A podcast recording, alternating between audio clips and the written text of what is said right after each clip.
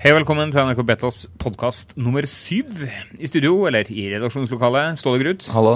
Og besøk fra andre sida av gården her i NRK, Eirik Solheim. Heia. Og jeg heter Marius Arnesen. Litt senere så får vi besøk av nå noe så sjeldent i våre lokaler som en psykolog. Katrine Mostu kommer. Vi skal snakke om netthets. Men først, vi må rante litt om uka som gikk. Ståle?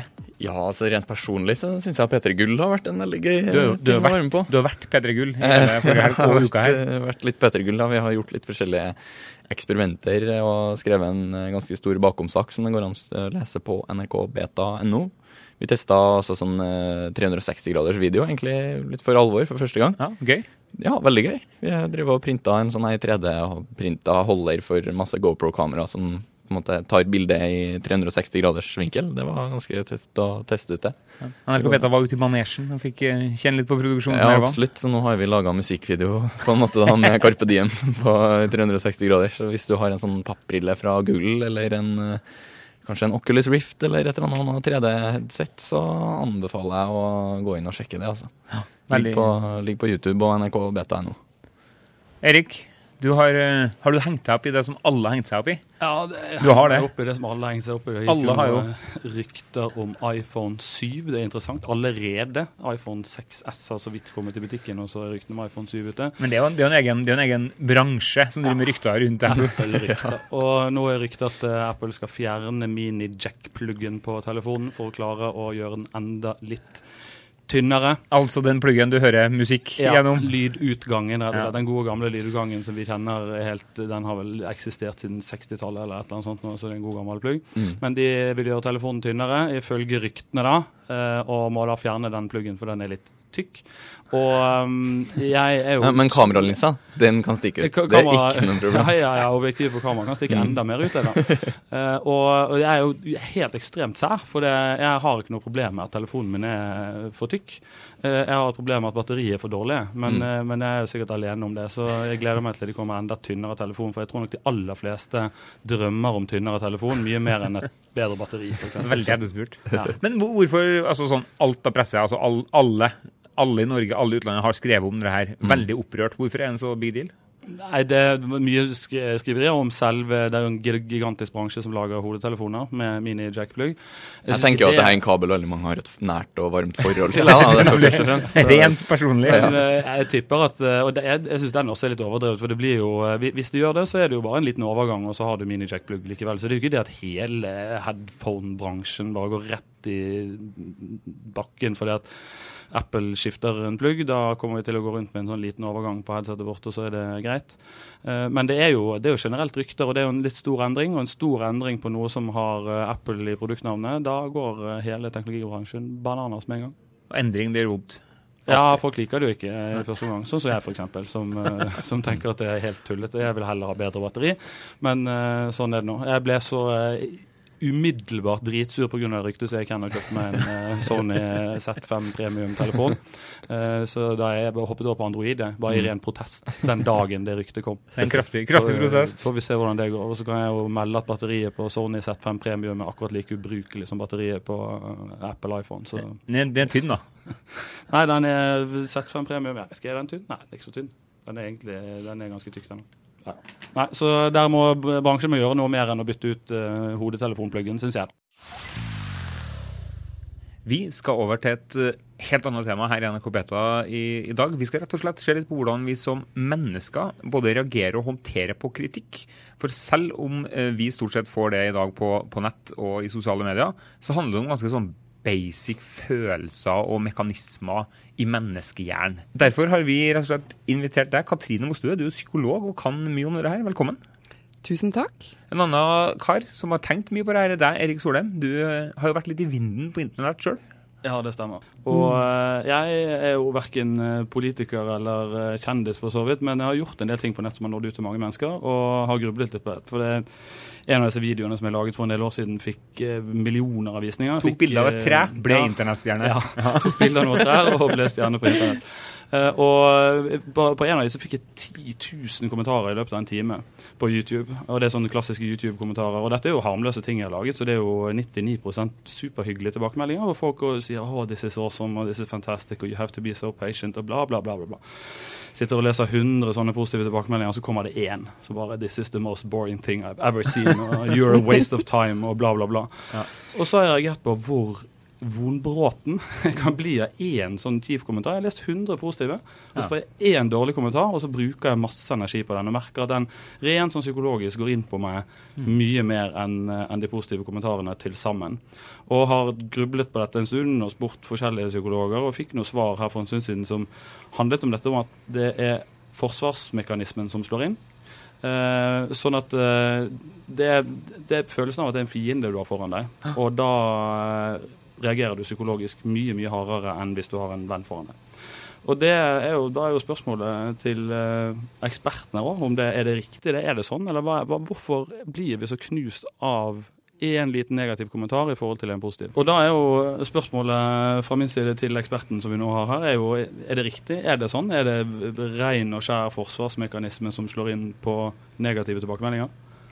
Ja, altså det er det man kan starte med biologien, da. At det, det, første svaret vil jo ligge i hjernen. At følelsessenteret i hjernen, amygdala, den er mest viet til å oppdage negative stimuli. Sånn at når hjernen begynner å lete etter negativitet, og opplever negativitet, så går det rett inn og lagrer langtidshukommelsen. Jeg tror det er så mye som to tredjedeler av nevronene i amygdala er viet til det. Eh, mens når du får positive tilbakemeldinger, som du beskriver så nydelig også, vi alle kjenner oss igjen i, så er hjernen som teflon. Det bare preller av? Det preller av. Det høres jo veldig dumt ut. Fordi, men, men ja, det er jo her... ikke overlevelse. Det høres ut som bare ren depresjon. Du skulle vært død for lenge siden som slekt. Ja, men du må tenke mye lengre tilbake i tid, da. Når uh, hjernen vår ble utviklet, og hvorfor det er adaptivt å oppdage negative stimuli. Så, så, vi lever jo i et eh, eh, sivilisert uh, samfunn, iallfall mesteparten av tiden. Ja. Uh, og da er jo ikke farene så fysiske. Uh, så det har helt klart vært en veldig veldig viktig del av vår overlevelse. At hjernen er, er, flink til å oppdage negativitet, for det betyr fare for hjernen. Så moderne hjerne skiller jo ikke mellom en tenkt fare, altså vil si en dustete kritikk, eller en tiger. Så følelsesmessig så gjør ikke hjernen det skillet. Psykologisk så er det selvfølgelig et skille, og det er jo der håpet vårt ligger. Og det er der vi kan bruke psykologien til å, til å hjelpe hjernen å tenke litt annerledes, da. Mm. Men, men, hva er da Eller er det da et triks? Hva skal Erik gjøre for å ikke bli ja. den ene Eller Erik eller en 14-åring som, som, som, som, opplever hets eller opplever negativitet på nettet? Fins det noen triks? Ja, det, det gjør det. Uh, og det første jeg vil ikke kalle det triks, men det første handler jo om å liksom å forstå, Det er utrolig vondt å bli kritisert, uh, og normalisere det. Vi alle syns det er vondt, uh, og det er fordi det ofte vekker både skam, mindreverdighetsfølelse og frykt samtidig. Eh, så det er ekstremt smertefullt. Og det som skjer når vi føler smerte, er at vi vil vri oss unna det. Der kommer forsvarsmekanismen inn, da, at du enten slåss eller flykter fra det. Og begge strategiene er kjempedårlige. Sånn at eh, trikset blir å tåle smerten. Oi, nå fikk jeg vondt. Eh, og så kjenne etter eh, hvor ubehagelig det er, og så ikke rømme fra det, men kjenne at du faktisk tåler. Det gjør vondt, men du tåler det, og da aksepterer du smerten. Altså du får en affektbevissthet eller en følelsesbevissthet, og kjenner at det ikke er så farlig. For det som skjer med en gang du lener deg inn i dette ubehaget, det er at du også sakte, men sikkert får koblet på den delen av hjernen som kan hjelpe deg videre. For det som er helt sikkert, er at du tenker svært dårlig når man er i den forsvar som du forsvarsmekanismen som du Ja, Da slutter du å tenke fornuftig, egentlig? Ja. Da er, bare... da er det fight flight. Slåss eller flykte på norsk, eller freeze.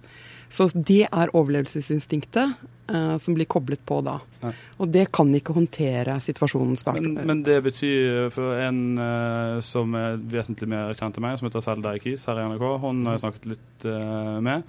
Og hun, i motsetning til mange andre, hun leser alt hun sier jeg rømmer ikke fra dette her. Jeg leser all dritt som blir skrevet om meg. Mm.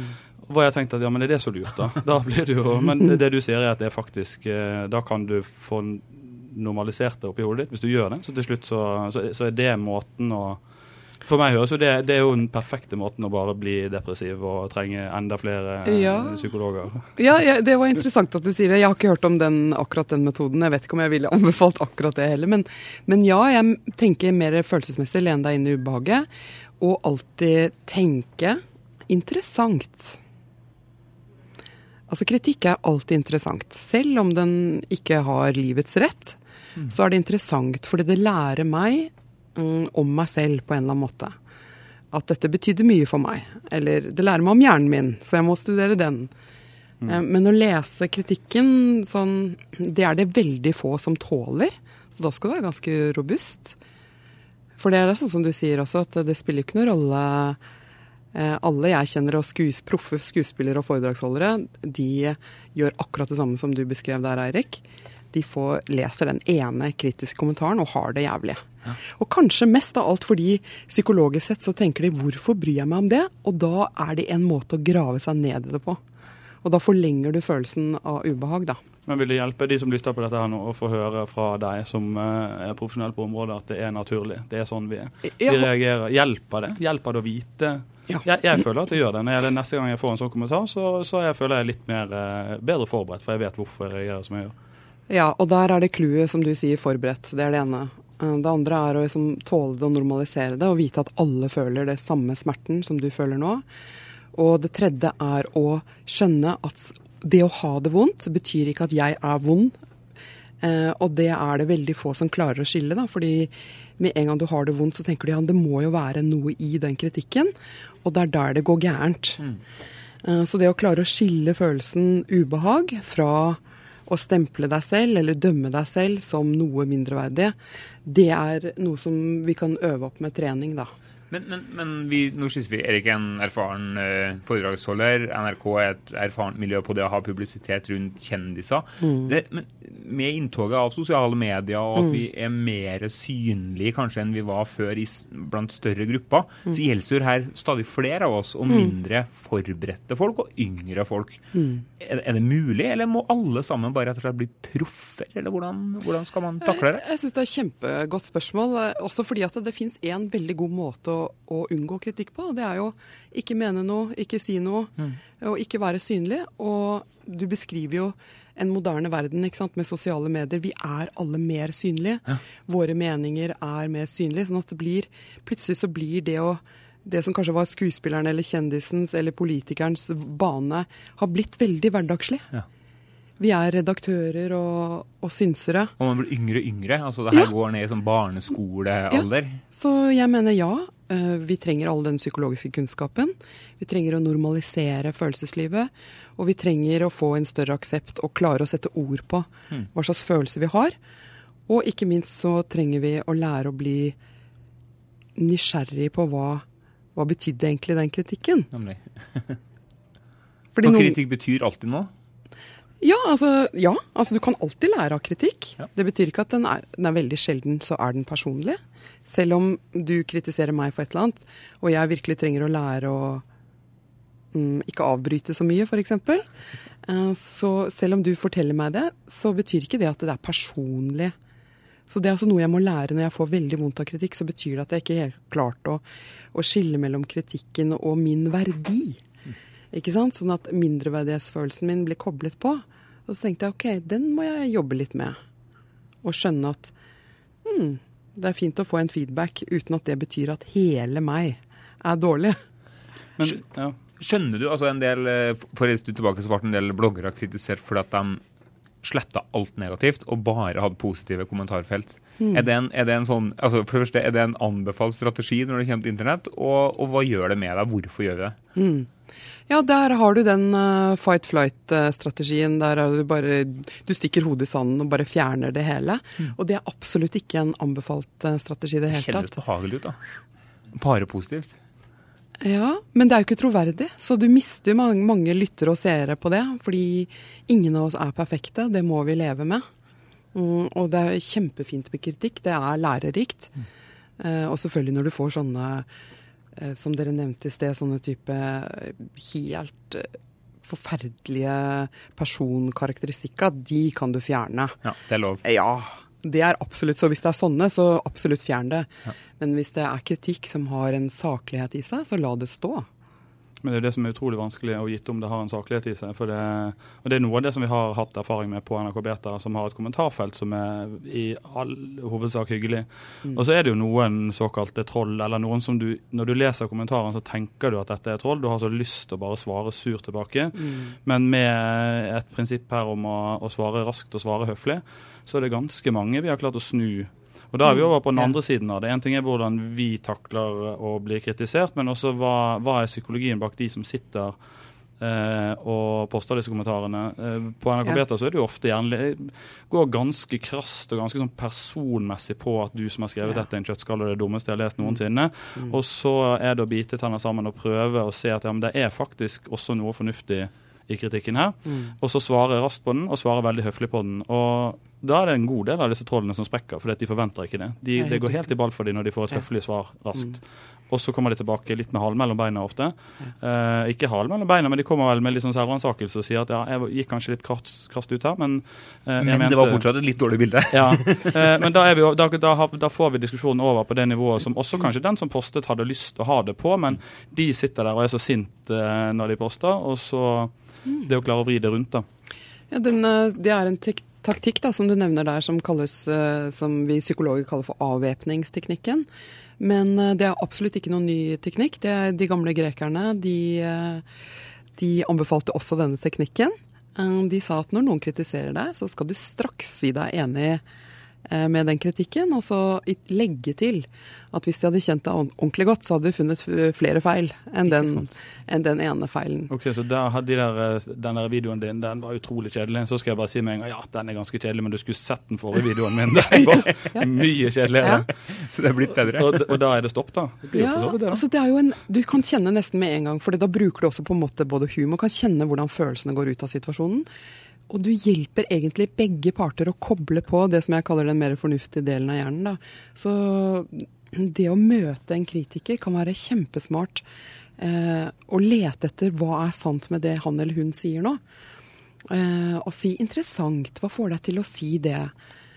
Og da må de også summe seg litt, og du må summe deg litt, og kanskje kommer man fram til å få en dialog. Og det er jo det man ønsker alle sammen. At vi får til å invitere andre til dialog, selv om de er sinte på oss, da.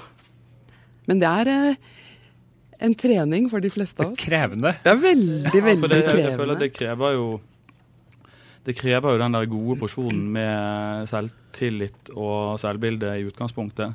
Da er det lettere å ta den på den måten. Men, men hvis du sitter der og skjelver allerede, så er det utrolig vanskelig eh, å, å bare svare. Og kanskje spesielt når det er kritikk som går på sånne usaklige Mm. personkarakteristikker og sånn.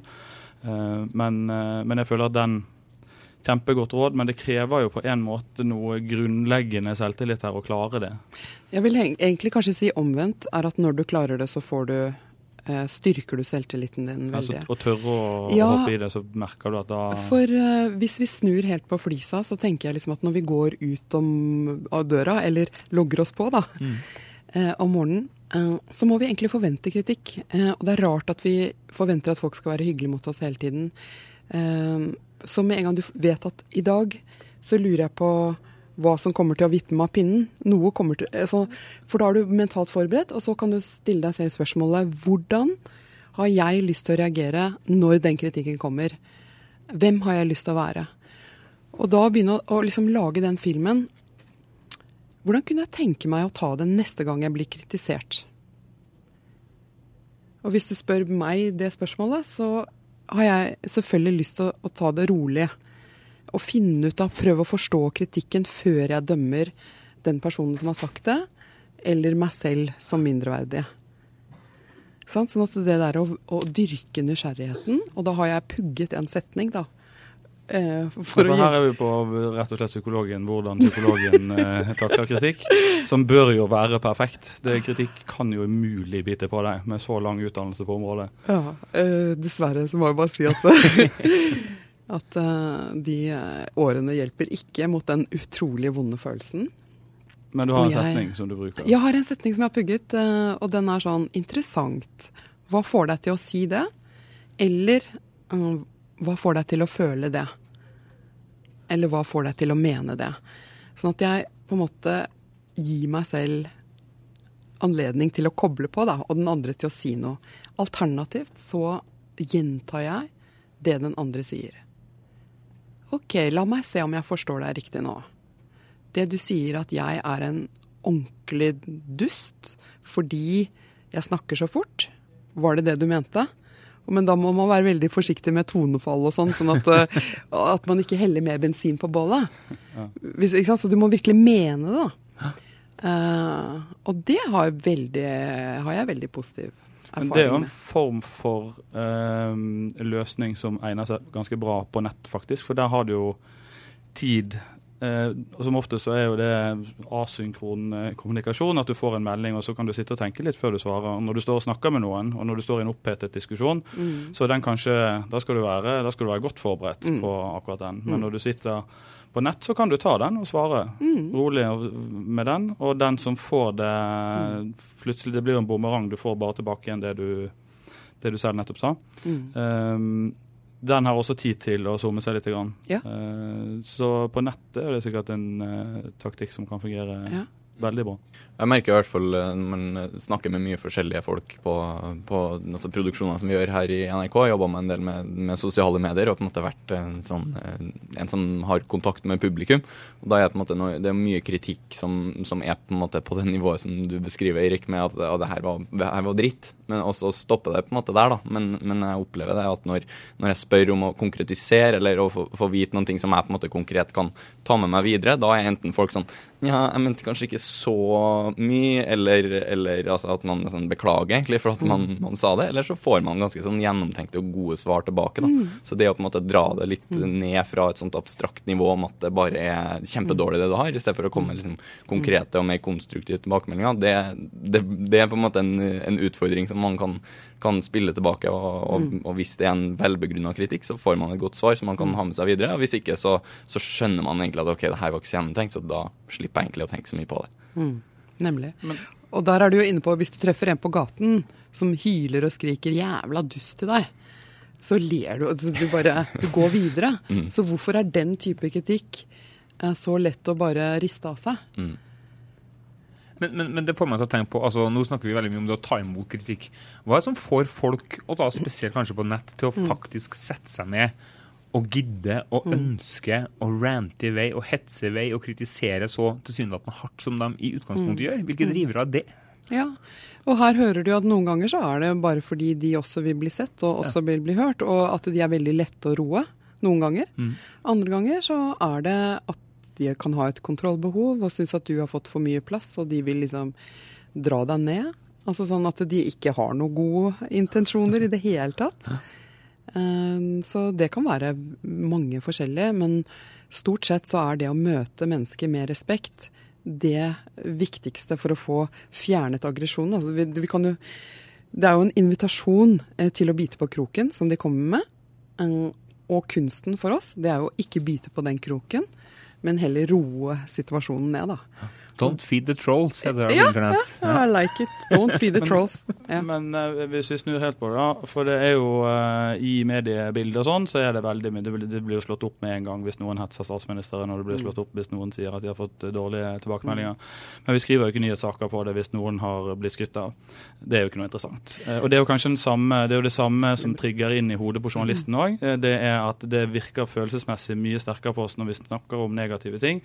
Og det er kanskje det som preger forsiden på tabloidaviser og alt, for det at vi selger ikke aviser hvis vi skriver om de positive tingene. For vi som lesere og som publikum reagerer heller ikke noe særlig på det. Eh, Går det an å lære å ta til seg den positive kritikken bedre? Og er det noe, for, for jeg må jo innrømme at eh, om de skriver aldri så mye av at det er mye kritikk om elendighet på nett, Ja. så er internettet i mitt hode noe helt ekstremt positivt. Og det gjør at jeg kan komme i kontakt med en del eh, idioter der ute som sier jeg er dum, men i mye større grad så kan jeg komme i kontakt med ordentlig, ordentlig bra folk som sier at de er interessert i det samme som meg, og som jeg kan diskutere med. Eh, Det å være nerd på 80-tallet og sitte alene foran datamaskinen eh, var en ganske ensom affære, eh, og kunne være ganske sårt av og til når ingen, alle de andre var ute og spilte fotball, og ingen syntes det var kult å spille dataspill. Nå har du utrolig mange mennesker å ta der ute, og uansett hvilken lille bygd du bor i i Norge, så kan du finne andre som har samme interesser. Som er det positive. Eh, er det noe vi kan gjøre for å ta det positive til oss bedre, og ikke få slutte å la det, og at teflonen slår inn når folk skryter av det? Ja, dette var nydelig spørsmål, Erik. Jeg elsker det spørsmålet. Og selvfølgelig eh, så er det det. Og nettopp ved å forstå hjernen litt, så skjønner du at en, en positiv tilbakemelding den krever bearbeidelse for å feste seg i langtidsminnelse, eh, hukommelsen, sorry, langtidsminnet. Og det betyr selvfølelsen. Sånn at det vi absolutt kan gjøre, det er når vi får en god tilbakemelding, bruke tid på å bearbeide den, ta den til seg. Som er noe som kanskje ikke vi er så gode i kulturen vår heller. Men det er utrolig viktig å feire. Man kan også gjøre det sånn fysisk. Sånn uh, yes! Du kan gå på do og liksom yeah! Og strekke Katrine Ja. hendene i lufta her, bare så det er Ja, sagt men- som ja, en men Den feiring. vanlige, Ja, vanlige og det- måten å reagere på både på nett og i det virkelige liv, er jo nei, ja, men det var ikke så bra. Liksom. Jeg kunne gjort det enda bedre. Det var ikke så fint. Det er jo måten vi svarer på. Ja. de Den norske måten å ta det på, i hvert fall. Ja. Så det å virkelig, man skjønner, man, man fleiper gjerne med den derre yes, ikke sant. Men den er utrolig viktig for å jobbe med hjernen. Fordi jo mer du gjør det, jo mer rustet er du den dagen, eller når kritikken kommer, som den helt klart gjør. Så det er det beste treningen. Virkelig, Kanskje det er bedre enn å pugge den setningen. Det er å ta imot alle komplimenter. Si tusen takk. Jeg er så glad for at du syns det. Denne kjolen syns jeg også er fin. Istedenfor å si 'jeg kjøpte den på salg', eller 'nei da, det var liksom ikke så viktig'. Ja, Så der må vi trene. Alle sammen. Og med det tror jeg vi blir nødt til å runde av. Det har vært en utrolig interessant og litt annerledes NRK Beta-podkast. Katrine Mostu, tusen takk for besøket. Det var alt vi hadde i denne syvende podkasten vår, Ståle.